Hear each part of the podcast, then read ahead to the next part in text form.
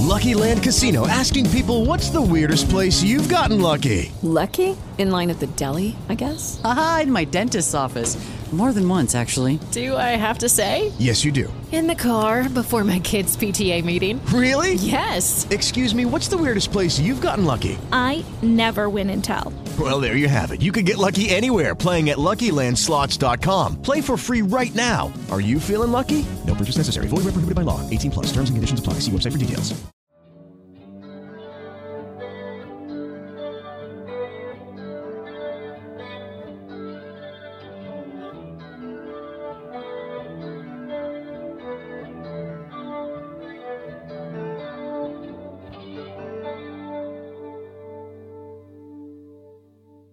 Odcinek 30. Znowu w życiu mi nie wyszło. To jest podcast Wyspa Inspiracji, w którym dowiesz się wiele o sobie i swoich relacjach. Ja nazywam się Ewa Kosowska-Korniak i chcę z Tobą porozmawiać o Twoich marzeniach, pragnieniach, ale też o trudnościach w związku. Rozkładam miłość, przywiązanie i relacje na czynniki pierwsze, wykorzystując wiedzę z mediacji. Zasubskrybuj mój podcast i wystaw mu ocenę, jeśli Ci się podoba to, co słyszysz. Wojtek ma problem z wchodzeniem w poważne związki. Gdy poznał Agatę, wydawało mu się, że tym razem będzie inaczej. Świetna dziewczyna, śliczna, atrakcyjna, wykształcona, zakochali się w sobie i planowali wspólną przyszłość. Czy oboje planowali? Trudno powiedzieć. Agata od początku widziała w nim ojca swoich dzieci i partnera na całe życie. Wojtek robił pewne uniki. Miał niejasne poczucie, że czegoś mu brakuje i gdzieś czeka na niego ktoś jeszcze lepszy. Prawdopodobnie bał się bliskości, ale wtedy sobie tego nie uświadamiał. Gdy Agata powiedziała mu, że jest w ciąży, że będą mieli córeczkę, Wojtek ucieszył się i planował stworzyć rodzinę, ale taką bez wprowadzania się do wspólnego mieszkania. Ciągle odkładał ten moment w czasie. Był z Agatą w tych ważnych momentach, odbierał ją ze szpitala z maleństwem, odwiedzał dziecko regularnie, zbudował z nim bliską więź, ale wciąż odkładał moment wspólnego zamieszkania. Gdy córeczka miała dwa lata, Agata przeprowadziła z nim rozmowę ostatniej szansy i powiedziała: Kocham cię, wprowadź się do mnie, to jest twoja ostatnia szansa. Wojtek obiecał, że to zrobi, ale pomyślał sobie, że nie tak od razu. On potrzebuje trzech tygodni, żeby odmienić swoje życie. W ciągu trzech tygodni Agata poznała nowego partnera. Zalogowała się na Tinderze i poznała miłość swojego życia, tak twierdzi. Gdy Wojtek się dowiedział o tym, że Agata już go nie chce, oszalał z rozpaczy. Straciłem miłość mojego życia, mówi. Przeżył załamanie psychiczne, nie może się pozbierać, cały czas powtarza, że kocha Agatę i że nie może uwierzyć, że był tak głupi, by stracić tak dobry związek. Wojtek jest typem unikającym, który boi się bliskości. Wojtek dowiedział się o tym podczas terapii. Nieświadomie używa pewnych strategii dezaktywujących, on to robił przez całe życie, po to, by utrzymać dystans i stłumić poczucie bliskości. Takich osób jak Wojtek jest więcej. Strategii, które stosujemy w takich sytuacjach, jest wiele. Być może trudno nam je rozpoznać i być może nie wiemy, dlaczego ciągle nam coś nie wychodzi, dlaczego wszystkie nasze związki kończą się w podobny sposób. Być może odkrycie i nazwanie tej strategii pomoże nam w pracy nad sobą, nad swoimi przekonaniami i nad budowaniem lepszej relacji. Strategia numer jeden. Jestem w związku, tak, to prawda. Jestem w tym związku już od kilku lat, ale wciąż nie jestem pewien swoich uczuć. Mówię lub myślę, nie jestem gotowa, by się zaangażować. Nie jestem w stanie tak nagle zmienić swojego życia. Strategia numer dwa, być może znasz kogoś, kto ją stosuje. To skupianie się na małych niedoskonałościach partnera, na sposobie bycia, na sposobie ubierania się, na sposobie wysławiania się, nawet na niektórych pojedynczych zwrotach. Pozwalanie, by ta mała, drobna rzecz przesłoniła romantyczny wizerunek tej osoby, by ta mała, drobna rzecz ją deprecjonowała.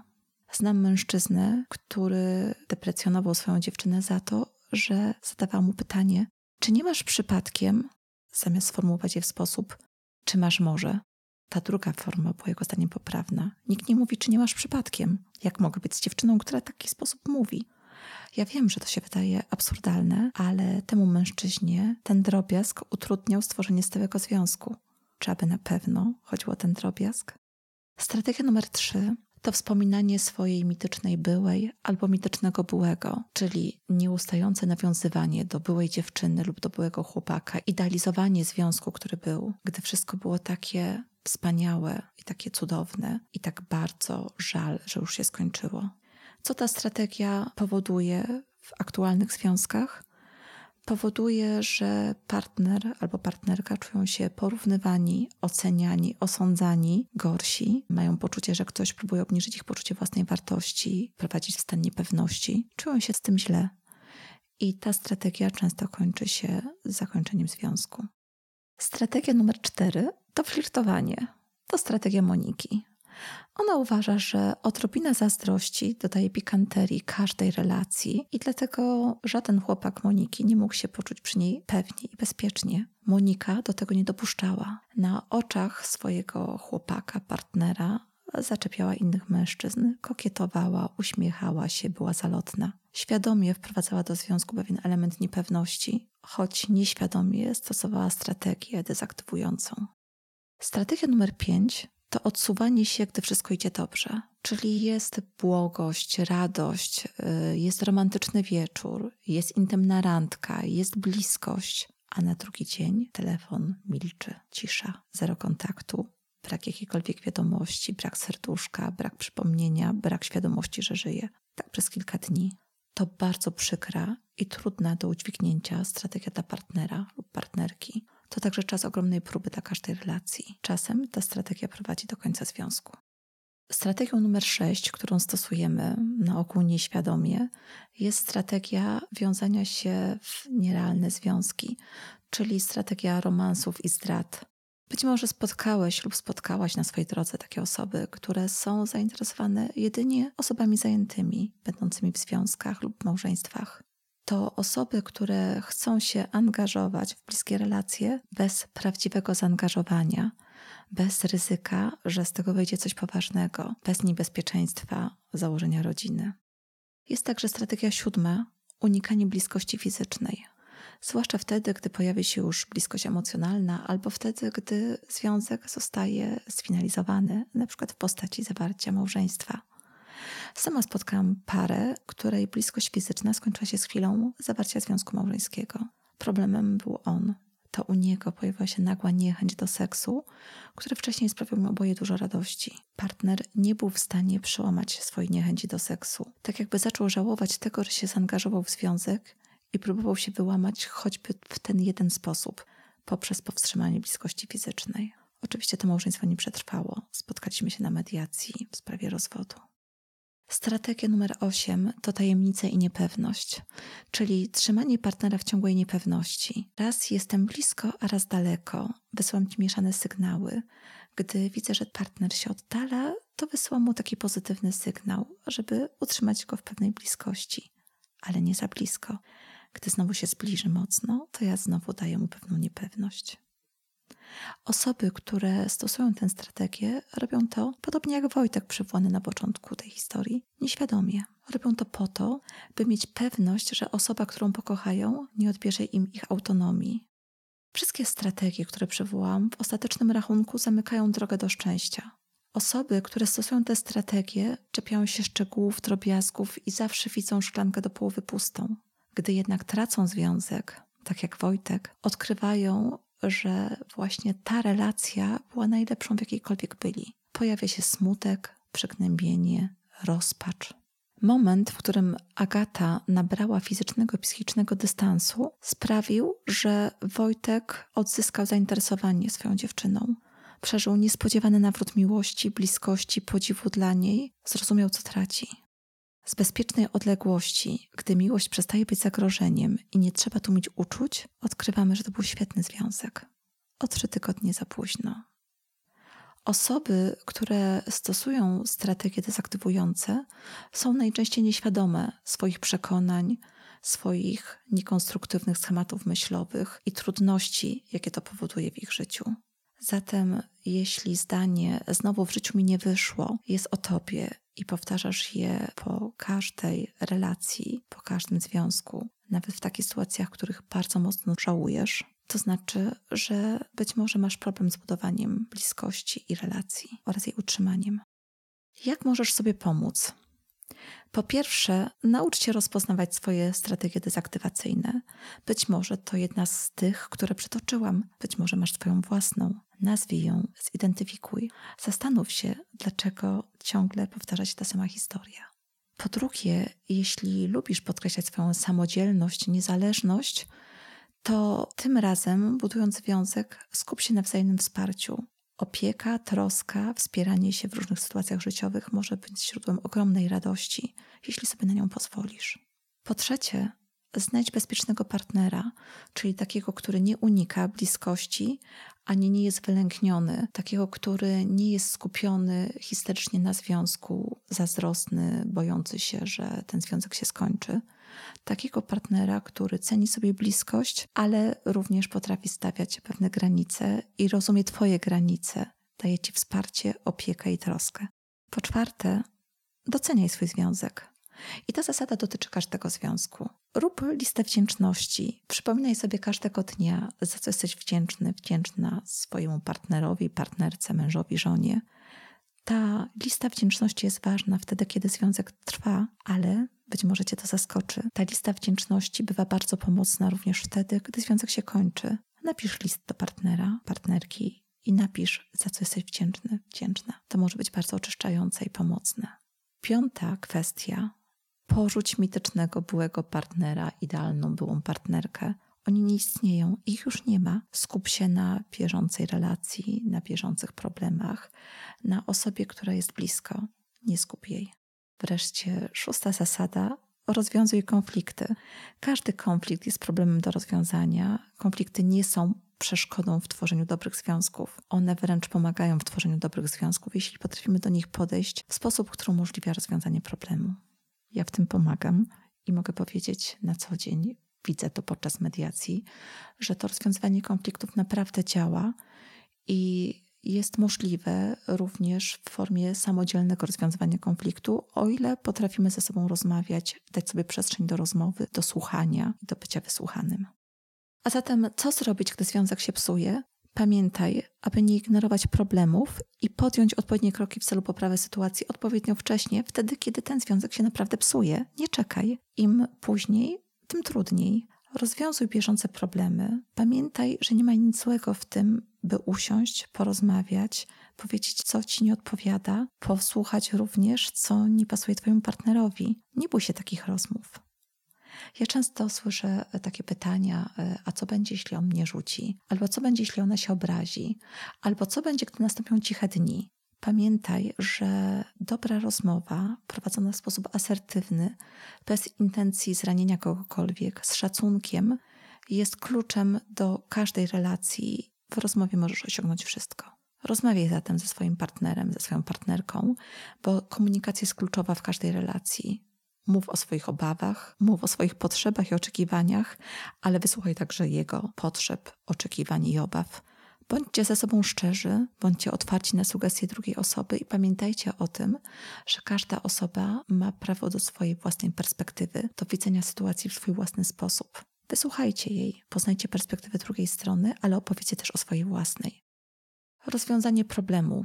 Tu bym powiedziała tak: nie ty jesteś moim problemem, nie będę cię atakować, zaatakujmy wspólnie problem. Czyli oddzielamy człowieka od problemu. Jeżeli w naszej relacji jest problem, na przykład finansów, braku uzgodnień co do pewnych kwestii wychowawczych dotyczących dzieci, jeżeli w naszym związku jest problem braku rozmowy o seksie, to jest to nasz wspólny problem, który chcemy rozwiązać bez atakowania, bez obwiniania, bez oskarżania, tylko skupiając się na tej konkretnej kwestii do wyjaśnienia. A zatem pracujcie nad problemami razem, Rozmawiajcie, a po rozmowie stwórzcie plan działania, który może Wam pomóc w poprawie komunikacji, w lepszym rozumieniu, w opiece, trosce, we wspieraniu się wzajemnym. Pamiętajcie, że będąc w związku, jesteście na tym samym statku i musicie działać razem, aby ten związek przetrwał. Jeśli czujecie, że nie poradzicie sobie sami, to poszukajcie pomocy profesjonalisty. Czasem osoba trzecia może Wam pomóc realnie rozwiązać problem. Możecie rozważyć pójście na terapię dla par, możecie rozważyć mentoring relacji, czyli taki proces pracy nad związkiem, którym profesjonalista pomaga Wam się zrozumieć i naprawiać to, co nie działa. Możecie również rozważyć mediację. Mediacja nie służy temu, żeby ustalić warunki rozstania. Mediacja służy temu, ja to mogę powiedzieć, ponieważ jestem zawodową mediatorką i prowadzę mediacje przed rozstaniem, mediacje tak zwane okołorozwodowe. Mediacja służy temu, żeby odkryć, czego oboje chcecie na co jesteście gotowi. Czasem jest to naprawa relacji i wtedy ustalamy wspólny plan naprawy związku. Czasem jest to rozstanie i wtedy ustalamy plan rozwodu, dogadując wszystkie kwestie, szczegóły istotne dla relacji oraz istotne dla przyszłej współpracy rodzicielskiej, dla utrzymania poprawnych kontaktów z osobami trzecimi, z waszymi przyjaciółmi, z dalszą rodziną. Mediacja pomaga uratować relacje i zakończyć związek pokojowo.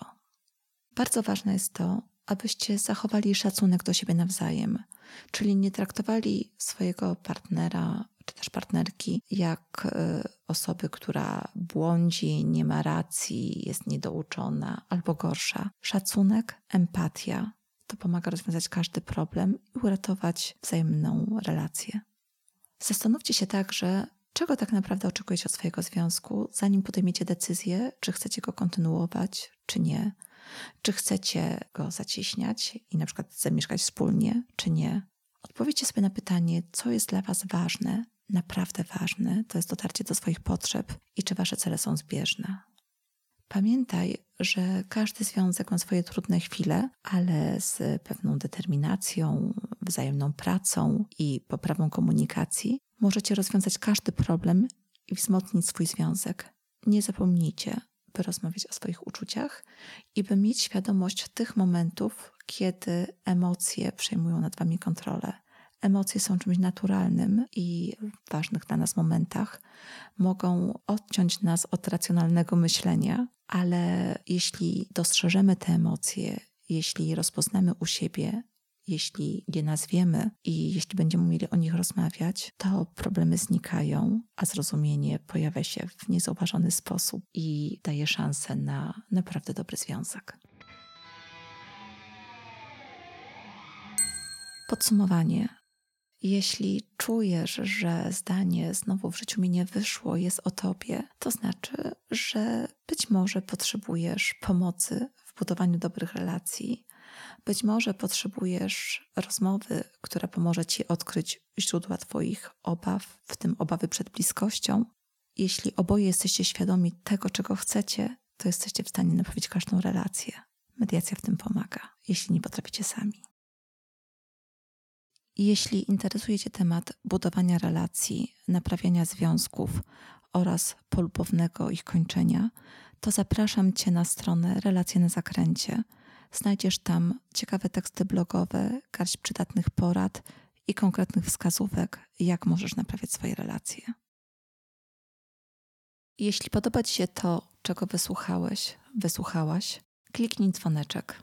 Jeśli jesteś stałym słuchaczem lub słuchaczką tego podcastu, będzie mi bardzo miło, jeśli poświęcisz chwilę na wystawienie mu oceny. Możesz zrobić to w aplikacji Spotify, Apple Podcasts, Google Podcasts i na kanale YouTube. Nie zapomnij zaobserwować mojego podcastu i dodać go do swojej biblioteki. Doceniam każdą formę interakcji, dzięki czemu podcast się rozwija i trafia do szerszego grona odbiorców. Może chcesz zaproponować temat kolejnego odcinka? Napisz o tym w komentarzu.